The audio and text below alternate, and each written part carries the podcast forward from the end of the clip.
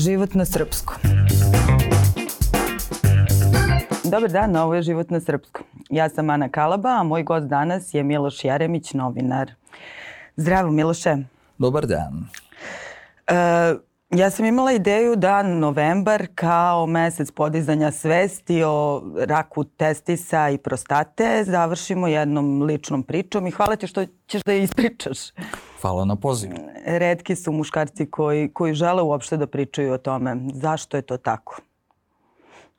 Nisam znao baš da je to tako, dok se i sam nisam susreo sa tako jednom situacijom i onda u razgovoru sa doktorom koji me kasnije operisao i sve to, onda sam shvatio koliko je to zapravo tako. Pa pretpostavljam da je to tako kao i kod devojaka, samo u nekim drugim, u, nekim drugim formama mislim da svi u podsvesti imamo to, ipak je to, ne znam, odlika muškosti, muškarac, sa druge strane devojka, žena i onda pretpostavljam da to čista psihologija. To je ljudski je. Mm. Ajde da, čini mi se da je kod muškaraca malo onako izrazitije, ali ajde od početka da krenemo. E, ti si se pre nekoliko godina suočio sa diagnozom raka testisa. Uh, 4,5, 4, u stvari nešto manje od 4,5 i tako. Bio je, početak je zapravo bio nekoliko meseci pre te operacije, mada se ispostavilo da i da sam otišao tog jutra da ne bi se razlikovalo ništa tu nije nastalo neko pogoršanje jednostavno je bilo je tako početak je bio negde kraj jula bile su velike vrućine i jednostavno probudiš se jednog jutra i shvatiš da imaš problem, jel? Mm -hmm što je dobra stvar u tim situacijama jeste da taj problem možeš i bukvalno da opipaš i da vidiš da nešto nije u redu. E sada naravno to pripisuješ različitim razlozima, velike vrućine, možda je upala, možda je te nešto ujela toko noći ili zbog same prirode posla, često si na terenu, nešto se desilo, hajde da vidimo da li će to da se izgubi, da prestane, da prestane pa da se vrati. Ajmo da vidimo kako. Jer ono što je bilo na početku jeste da da nisam imao nikakvog, nikakvog bola, znači e, bol ne postoji samo imaš to fizičko uvećanje, u pitanju je bio desni testis i tako je to trajalo nekih možda mesec dana. Onda sam definitivno shvatio, pošto ništa se ne popravlja, ništa ne ide ni gore, ali jednostavno nema oporavka, neće da nestane i onda hajmo da nađemo nekog stručnjaka koji će to da reši. Otprilike tako je to počelo. S tim što takođe u tom periodu nikakvi problemi, znači ti funkcionišeš normalno, ali fizička, fizički, fizička drugačije, nešto drugačije tu. I otišao si? Otprilike I... mesec i po dana pošto, je, pošto se to dogodilo, slučajno nalazimo preko neta adresu našeg urologa, urološke klinike. Baš sam želeo da idem kod specijaliste za urologiju. Nisam hteo da se povlačim po domovima zdravlja. Znači, kod specijaliste za urologiju nisam znao, nisam imao predstavu kod koga idem. E, ispostavit će se da je to jedan od nekoliko naših najboljih urologa. Odlazim, pri pregledu bilo je jasno da je u pitanju tumor, međutim e, nije se znalo kakav je tumor. Zapravo ispostavilo se da je to benigni tumor i trebalo je u taj prvi mak, to je bio početak septembra, da kroz nekih nedlju dana, desetak dana na urološkoj klinici odradimo tu uh, operaciju, da se urade još neki uh, snimci i uh. -huh. da rešimo, jel te, problem. Uh, međutim, ono što će se dogoditi za nedlju dana uh, bilo je još gore, aj tako da kažemo, jer taj tumor jeste bio uh, benigni, međutim na osnovu tog tumora i na osnovu pretraživanja, kako već to ide, oni utvrđuju da i moj levi testis ima nekih problema koji će se ispostaviti kao maligni. Tako da u neku ruku ovo je i srećna bila okolnost da mm, ti jedan benigni tumor ukaže na nešto što bi ti možda, u stvari ne možda, nego sigurno za nekoliko godina pravilo, stvaralo velike, velike probleme. Mm -hmm. I operacija je odmah zakazana? Od tog odlaska, od prvog pregleda do same operacije prošlo je jedno tri nedelje. I to mm -hmm. je mhm. bilo to. Operacija se odigrala negde krajem tog septembra, kraj septembra 2017. Međutim, sad nastaje druga stvar, vraćamo se na onaj drugi pregled kada oni utvrđuju i čovek kaže morat ćemo obe oba ta testise. Testisi su specifični u tom smislu da ti ne možeš kao kod nekih drugih stvari da parcijalno nešto odstraniš. Jednostavno to ili se odstranjuje ili se ne odstranjuje, nema između. I I onda pamtim ono što mi je doktor tada rekao, kaže operacija neće da pobegne, neće se ništa tu desiti za nedelju, dve, mesec, dva meseca, nije to tolika žurba, ne ide to baš tako. Ali bi bilo dobro da pre same te operacije uradim nešto zbog sebe, zbog svoje porodici ili kako već, pa onda da dođemo na operaciju. To nešto je bilo da se, da se zamrzne sperma Mislim da je to, naravno, to nije moranje, ili hoćeš ili nećeš. Naravno, nisam ni do tada ni znao da toga ima u, kod nas. Kada sam saznao da ima, mislio sam da to jako mnogo košta, ali bez obzira na to koliko god da košta, ne razmišljaš u tom trenutku. Uradit ćeš tu stvar, pod uslovom naravno da je da to može da se zamrazne, jer e, bez obzira na to nema veze sa tumorom. Ti možeš to da urediš pod uslovom da nemaš određene bolesti jer tamo iste, iste, iste stiraju na šećer, hepatitis, ne znam, HIV ili kako već, da ne bi potencijalno preneo kasnije kada dođe do veštačke oplodnje ili kako već, da ne bi nekome preneo jedna od tih bolesti. Ako se sve to poklopi, ako se pokaže da je u redu, zamrzne se i, i to je to. A kako to funkcioniše? Mislim, mislim da je mnogim ljudima interesantno da čuju, jer, na primjer, ja sam tad prvi put čula da to ima kod nas. Da, da, da, funkcioniše prilično jednostavno. E, funkcioniše tako što ti odeš, objasniš šta želiš, Uh, onda se obave ti testovi, ali ti testovi su prilično jednostavni. Znači, uzimanje brisa i krvi i to je to. Sve se tu rešava, sačekaš dva dana, jave ti da li, da li je sve tu u redu, da bi došlo da ostaviš tu spermu. Onda se ostavi sperma i testira se da se vidi. Možda je prirodno čovek ne može da, jednostavno, nema, opet ponavljam, nema veze sa tumorom, ali prirodno čovek lenji spermatozoidi, kako već to ide, i da ne može da ima dece, jel? E, u zavisnosti od količine tih jakih spermatozoida formiraju te, čini mi se da se to zove kese pakovanja, kesice, koliko ima tih kesica zamrznutih, onda toliko kada budeš odlučio sa nekim da imaš dece, mo, jedna oplodnja je zapravo ta jedna kesica. Eto, otprilike to tako funkcioniše. Kaže da ne reklamiramo ko to radi, gde nalazi se u Beogradu. Ja mislim, čak, A koliko se plaća?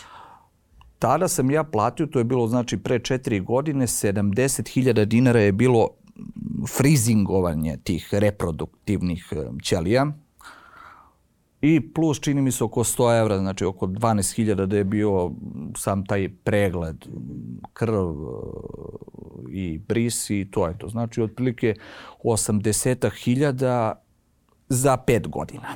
Potpisuješ ugovor kao, ne znam, kao da zalažeš, ulažeš nešto u običnu banku. U stvari to jeste banka, samo bez novčanice, potpisuješ ugovor na pet godina. Tada su mi rekli da posle, ako recimo ne potroši čovek tih, mm -hmm. to što da, ima da, zamrznuto, da može da obnovi na još pet, uh, pod istim uslovima kao i što je prvog puta. Znači, 70.000, ako je to naravno ostane isto, ali otprilike gore dole, to je to. Uh, kada istekne, ako istekne i tad taj period od 5 godina, znači ukupno od 10, e onda oni vrše, uh, moguć, uh, imaju mogućnost da se to produži, ali u zavisnosti od starosti toga. Mm -hmm. Onda su mi rekli, ja sam u tom trenutku imao 33, kaže, nema problema, vi možete to da produžavate, da li na produžiš na dve godine, na tri, pa ponovo. Problem je kod onih ljudi koji su u nekim malo ozbiljnijim godinama, da sam imao 50 ili 55 u tom trenutku, da to uradim, onda bi verovatno to bilo, mada to koliko sam shvatio, redko se i dešava, ali u teoriji je tako. Da. A s kakvim si se još uh, razmišljanjima, odlukama suočavao u tom periodu od diagnoze do same operacije? Dobro, pa dobro, nije, nije ti uopšte jednostavno, znaš. Saopštenje je kao imaš tumor. Ok. Ali upravo i moja reakcija bila daj da ga rešavamo. Mislim, da. šta ja mogu da uradim? Sećam se da su mi rezultati bili odlični što se tiče krvi, ta tri tumor markera za testise i jetru koji se rade, beta HCG i još jedan tumor marker, znam da mi je jedan bio neznatno povećan. Recimo ako je normala 5, ja sam imao 5,1. 5,2. Ali sam kasnije na kasnije upoznao ljude koji su imali 150 tih jedinica, a norm, normalno ti je 5. Tako da moji svi parametri su bili sjajni to je to. Ne, ali jednostavno moraš to da, mora to da se uradi i to je to. E, nije ti jednostavno, dobro, prvih desetak dana ti izgubiš silno vreme o, M radiš, nisam htio da prestanem da radim skoro do same operacije, nekoliko dana pre, pred operaciju. Skupljaš papire, papirologije, ovo, tako da i ne razmišljaš, ne razmišljaš nešto mnogo o tome šta će se dogoditi. Mislim, prosto i jednostavno objasniti sve.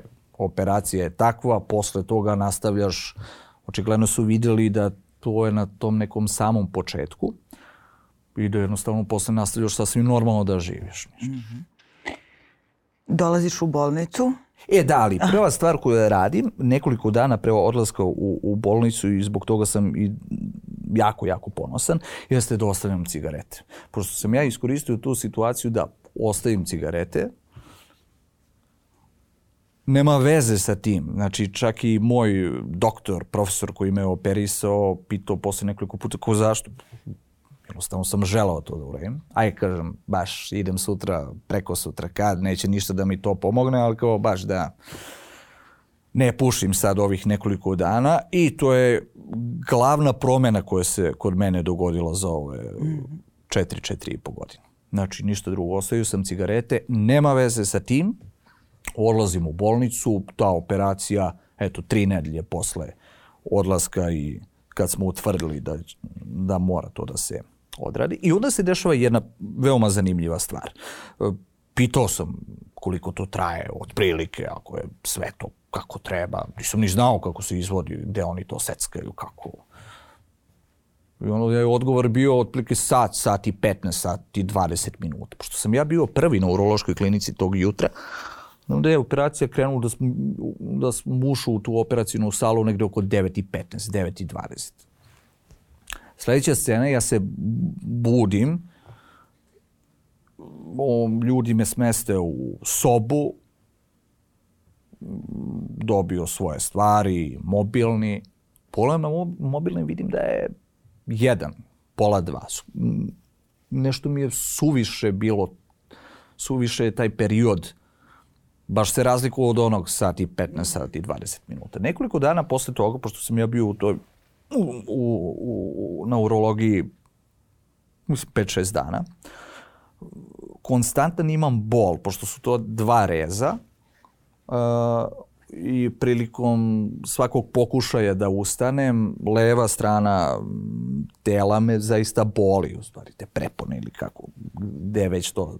A desna ništa. Sad sam ja laički razmišljao ovako, čekaj, ali kod desne strane je bilo malo više rada. Tu je bio taj fizički, jel te, poremećaj, to uvećanje.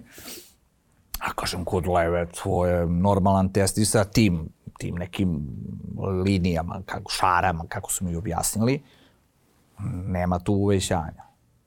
Da mi, mi neko od asistenata objasnio dva, tri dana posle operacije, kaže da, ali samo je vaš profesor, čovjek koji vas je operisao, hteo na kraju ipak da taj levi ostaju. Kako? da probaju još jednom da proveri da li je to zaista tako. Možda nije. I uh, u tim situacijama se to šalje na te super hitne analize, ali te hitne analize traju ono 2-3 sata, 2 sata recimo da traju. I kaže, vi ste zapravo bili, eto tako, otvoren, kaže, mi smo desnu stranu završili odmah i to nema, nema, nema velike filozofije, prilično onako svakodnevna njihova aktivnost, ali kaže, kod te leve strane bili ste otvoreni, čekali smo 2-3 sata da stigne taj super nalaz, stigao je, potvrđeno je da je maligno i da ne može da se, ne može, ali da se ostavi. I kaže, to je bio jedini fizički bol koji sam ja imao, znači to isto tehničke prirode. E, međutim, tad sam se toliko oduševio postupkom tog da, hirurga, da naročito danas kad ti slušaš svakojake priče, svi smo pametni, samo doktori, uglavnom svi nemaju pojma ili sve kako to ide. Ja sam imao izuzetno iskustvo e, na urologiji. To je urološka klinika u okviru kliničkog centra Srbije. Toliko predusretljivi ljudi od ljudi koji od sobarica, ne znam, ona prva stvar kad te sta polože na krevet posle operacije pregazio te ono kamion, a ljudi ti se obrate imenom. Znači, taj neki odnos, nisi neki broj tamo, nisi, nisi došao tu, aj kao sredili smo te pa ćeš tu da spavaš dan, dva. Taj odnos me je stvarno ba, baš lepo. Moje iskustvo je stvarno lepo. Nemam nešto, mnogo takvih iskustva što je odlično, ali eto, to što je bilo, baš je bilo simpatično. A ekipa iz sobe? Ekipa iz sobe odlični. stvarno, stvarno dobri ljudi. Uglavnom su svi bili stariji. E, na tom odeljenju su smešteni i ljudi koji su e, sa problemima sličnim mm -hmm. Mom problemu i ljudi koji su prostata, bubreg, različite, različite dijagnoze. Ono što je interesantno je bilo je nekoliko njih koji su imali uh, tumor testisa, uglavnom jedan, jel? Uh, sve različito. Ja još, ja još nisam čuo istu priču. Ja još nisam čuo da se neko kao ja probudio, e, ujutru, zarebljanje, to je to, bez boli. Poznao sam čoveka koji je došao negdje iz okoline Beograda, stari 50 i kusur godina, objašnjava mi, kaže, nis, ka, on nije mogao da nije, nije mogo da farmerki ima preko sebe koliko to boli. Da, dodir, kaže, to je strahovito. Neko drugi ima potpuno drugačije. Drugačije se manifestuje. I ono što su mi rekli, taj profesor kaže, nemojte samo da razmišljate zbog čega se ovo desilo. Desilo se, rešili smo i to je to. A koje, koje, za koje još si slučajeve čuo? Pošto, mislim, volila bi da nekako stavimo ljudima do znanja M na šta treba da obrate pažnju, M na važnost te neke prevencije redovnih pregleda i... Dve stvari koje pamtim, ali obe su se dogodile pre, u stvari jedna pre i jedna posle. Prva stvar, kod prvog, kod tog početka, znači tog prvog pregleda, kad mi čovjek kaže... Ti nisi pre išao na neke preglede tog tipa? I... Osim onih da. svakodnevnih što smo mi imali na tim srednja škola, čini mi se mhm. ono na fakultetu, na početku fakulteta neke, neke da. te ono analize, ali nisam išao ja da kontrolišem to. Uh, prva stvar, kod tog prvog pregleda, ok, čovjek ti kaže imate tumor, onda si ti malo i šokiran si, normalno, svašta ti u glavi, ovaj ti popunjava, pogledajte ovih dana, morate da uradite tumor markere, ovo, ovo, baš si šokiran, znaš, milion informacija, kao ne znaš gde ćeš pre. Ali ono što mi je ostalo, da on non stop govore, kaže, nemojte samo da pobegnete. Aha. No, tu malo bilo onako, od čega da, od čega ljudi, kažemo, odakle da pobegneš, šta da pobegneš, šta? Kaže, kaže, nemojte tako. Kaže, verujete da ogroman broj njih koji dođu kao vi, i kojima kažem ovo što sam rekao vama, nikad ih više ne vidim.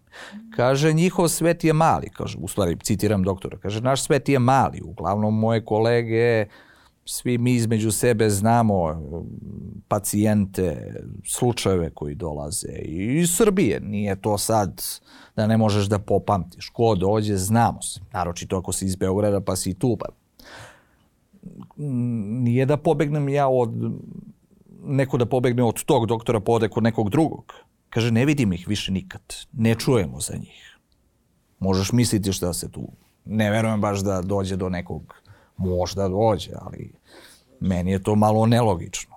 Ali to se dešava. Druga stvar koja se dogodila, godinu dana posle toga, idem ja na normalne kontrole, e, čujem da je moj školski drug, poznanik, bili smo neki prijatelji, ali se znamo, e, prošao kroz sličnu situaciju i otprilike u slično vreme, čak nešto možda mesec dana, dva meseca pre mene. I isto operisan u, u, u, u, urološ, u, na urologiji u Beogradu. Sve je bilo isto, samo je kod njega valjda bio jedan testis, što je i obična situacija. Ovo kod mene kaže, to se ne dešava često. Dešava se, ali se nije baš toliko često slučaj da imaš obostran. Mm -hmm. e, i srećem tog prijatelja kod koga je takođe, koliko sam shvatio, sve prošlo kako treba. I on je bio u nekom društvu sa nekim. Nismo se videli dugo. Ćao, ćao. Samo sam pitao kako si. Sve u redu? To je to. Znači, to je bilo moje pitanje. Kako su i sve u redu? Znači, kogod da sedi pored tebe, baš ne može da ukapira oč... Šta ga tačno da. pitaš, a? Sutradan me je pozvao moj, u stvari naš zajednički prijatelj, koji me zamolio, to nikad neću da zaboravim. Kaže, ako ti nije problem, sledeći put kad budeš sreo ovog drugara, ne, još ako je u, sa nekim u društvu, nemoj da ga pitaš, on zamolio, da ga ne pitaš kako je. A čak te nije ni on pozvao Mislim da, da se tu vraćamo na onu priču od, od, od, od, sa početka ovog razgovora. Uh mhm. -huh. Ne reaguju svi na isti način. Zašto je to tolika sramota, nije mi baš najjasnije, ali ne reaguju. Te dve stvari pamtim. Da, ali mislim, problem nastaje kad je to toliko da si ti spreman da rizikuješ malte ne život. Pa ne, ovo je samo kao nemoj da me poce, u stvari nemoj da drugi, drugi neko sazna šta sam ja imao. Kažem čoveče, nisi ukrao nešto, nisi ubio nekog, nisi, ne znam, mm uradio nešto loše, pa sad ko ti nešto se nečega stidiš, problem neki najobičniji, pa to je valjda dobro da. ako te neko pita. I ima o... i ljudi koji biraju razne alternativne metode da bi izbjegli operaciju. Da, i to je tačno. Znači koji... u tom periodu imamo prijatelja mm. koji je sa sličnim problemom, ali koji bira potpunu alternativu. Mm -hmm. To je takođe meni u redu. Znači ne želi da meša ovu zvaničnu medicinu sa tim, izabrao je ovo živ i dan danas, tako, mm. zdrav. Da. Imaš i ljude koji ne rade ništa po tom pitanju i sete se da reaguju to kad bude prekasno. To su oni, nikad oni ih prvi, više ne vidim. Jeste, jeste, jeste. Neverovatno, ali... Da. Zato mi je tvoj primer jako dobar jer si bio onako, ok, rešavamo problem nema, sad. Nema tu mm -hmm. nek, neke komplikovane situacije. Ili hoćeš to da radiš ili nećeš. Šta ja mogu da uredim? To, to, to, to, okej. Okay verujem ti čoveče. Čak sam u tom periodu slušao onaj priče, ajde uzmi neko mišljenje nekog drugog e, doktora. Kako da uzmem mišljenje nekog drugog doktora ako je ovaj jedan od trojice najboljih u ovoj zemlji? Mislim, potpuno je suludo. Te naše potrebe da kopkamo, e, daj ovo, a možda nije to baš tako. Teško je, teško je pomiriti Aha. se. Mislim, Jesto, ja prva teško je prelomiti, ma naravno, ma nije, nije, ali kod mene je išlo to tako, tim, tim nekim redosledom i... Da, a život posle? Život posle je ži, kao život pre. Znači, uh -huh. osim što sam bez cigareta, ponavljam, nema potpune veze sa ovom, bilo kakve veze sa ovom pričom, Sve ostalo je isto. E da, jedina stvar koju da bi to funkcionisalo sad kao pitaju muškarci, šta sad? Pa da. Uh, muškarac uzima testosteron. Znači testosteron Na koliko? u mom slučaju na tri meseca kupuje se najnormalnije, znači u apotekama. Uh, opet da ne reklamiramo, ima različitih No, da. Opcija koje kako. U svakom slučaju kod mene jedan gram primiš, to je tečnost, rastvor u stvari za inekciju, jedan gram primiš na svaka tri meseca. Funkcionišeš najnormalnije. Mislim, posljedice da ne može čovjek da živi bez toga, ali znači mm, nema, brade recimo, nema kako beše, postaju ti malo krte kosti, pa to je ona stvar kad si star. Za, kod muškaraca, zašto se lakše lomiš, jel? Smanjuje se ta količina, kad nemaš testosteron, suočavaš se sa tim. Ne možeš da imaš seksualne odnose, ovako sve možeš imati. To je to. Je to. Tu je jedina promena što se tiče hrane, što se tiče pića. Sve je to stvar sad mm, isto individualno. Ok, malo te ta stvar nauči, baviš se takvim poslom, neredovna možda ponekad ishrana, a je malo više da vodim reda oko toga, doručak, ručak, večera, ali ništa, nisam, nisam prebačen na neku određenu vrstu hrane.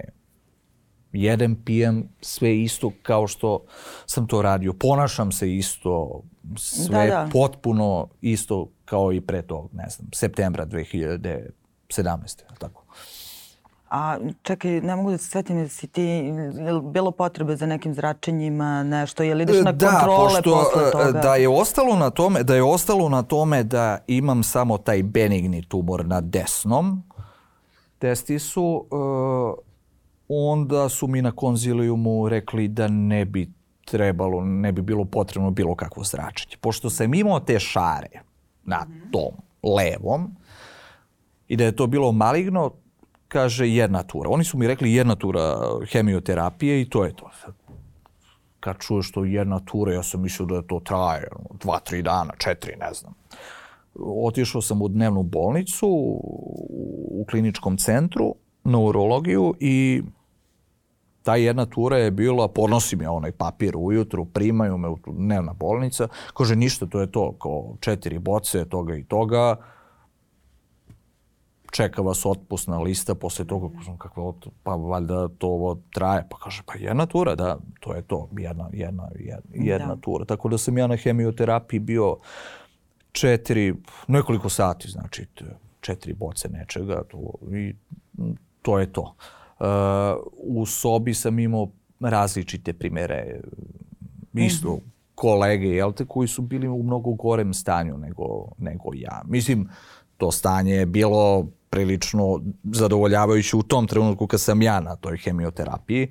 Kod mene se ništa tu nije promenilo. Šta je? Jedan dan ne osjećaš neke posledice. Popiješ nekoliko tableta zbog one mučnine nekoliko dana i folna kiselina. Da, Čini da, mi da. se da je bile još neke stvari, ali to je to. Znači da sam ja prošao sa tom, tim jednim danom hemioterapije, posle toga išao nekoliko, nekoliko kontrola, čini mi se da, je, da su bile na po mesec dana, 15 dana, ne mogu više da se setim, onda se to produžalo na tri meseca. Sad, poslednje dve godine kontrole su na šest meseci, uradim krv, znači od, otplike radim sve ono što sam radio i u oči operacije. Krvna slika, biohemija, ta tri tumor markera koje sam radio onog prvog dana, to je to, snimak pluća, traže, traže profesor koji me operisao i on mi uradi na kraju ultrazvuk kontrolni i to je to. Cela Dalje procedura ništa. sad. Da. Ok. Hvala ti Miloše. E, nadam se da će, da će neke motivisati i ohrabriti da, da krenu sa rešavanjem svojih problema. Nadam se da će biti mnogo manje onih, što manje onih koji bi trebalo da budu motivisani. Jel? Ali ako dođe do to, te situacije, onda moj savjet, uradi posao šta je do tebe. Ovo ostalo baš i ne utičeš. Ali šta je do tebe, samo napred i onda se vidimo na tim kontrolama koje, koliko sam čuo, posle jedno 6-7 godina prestanu ako je sve ok. Da. Biće. Hvala. Hvala tebi.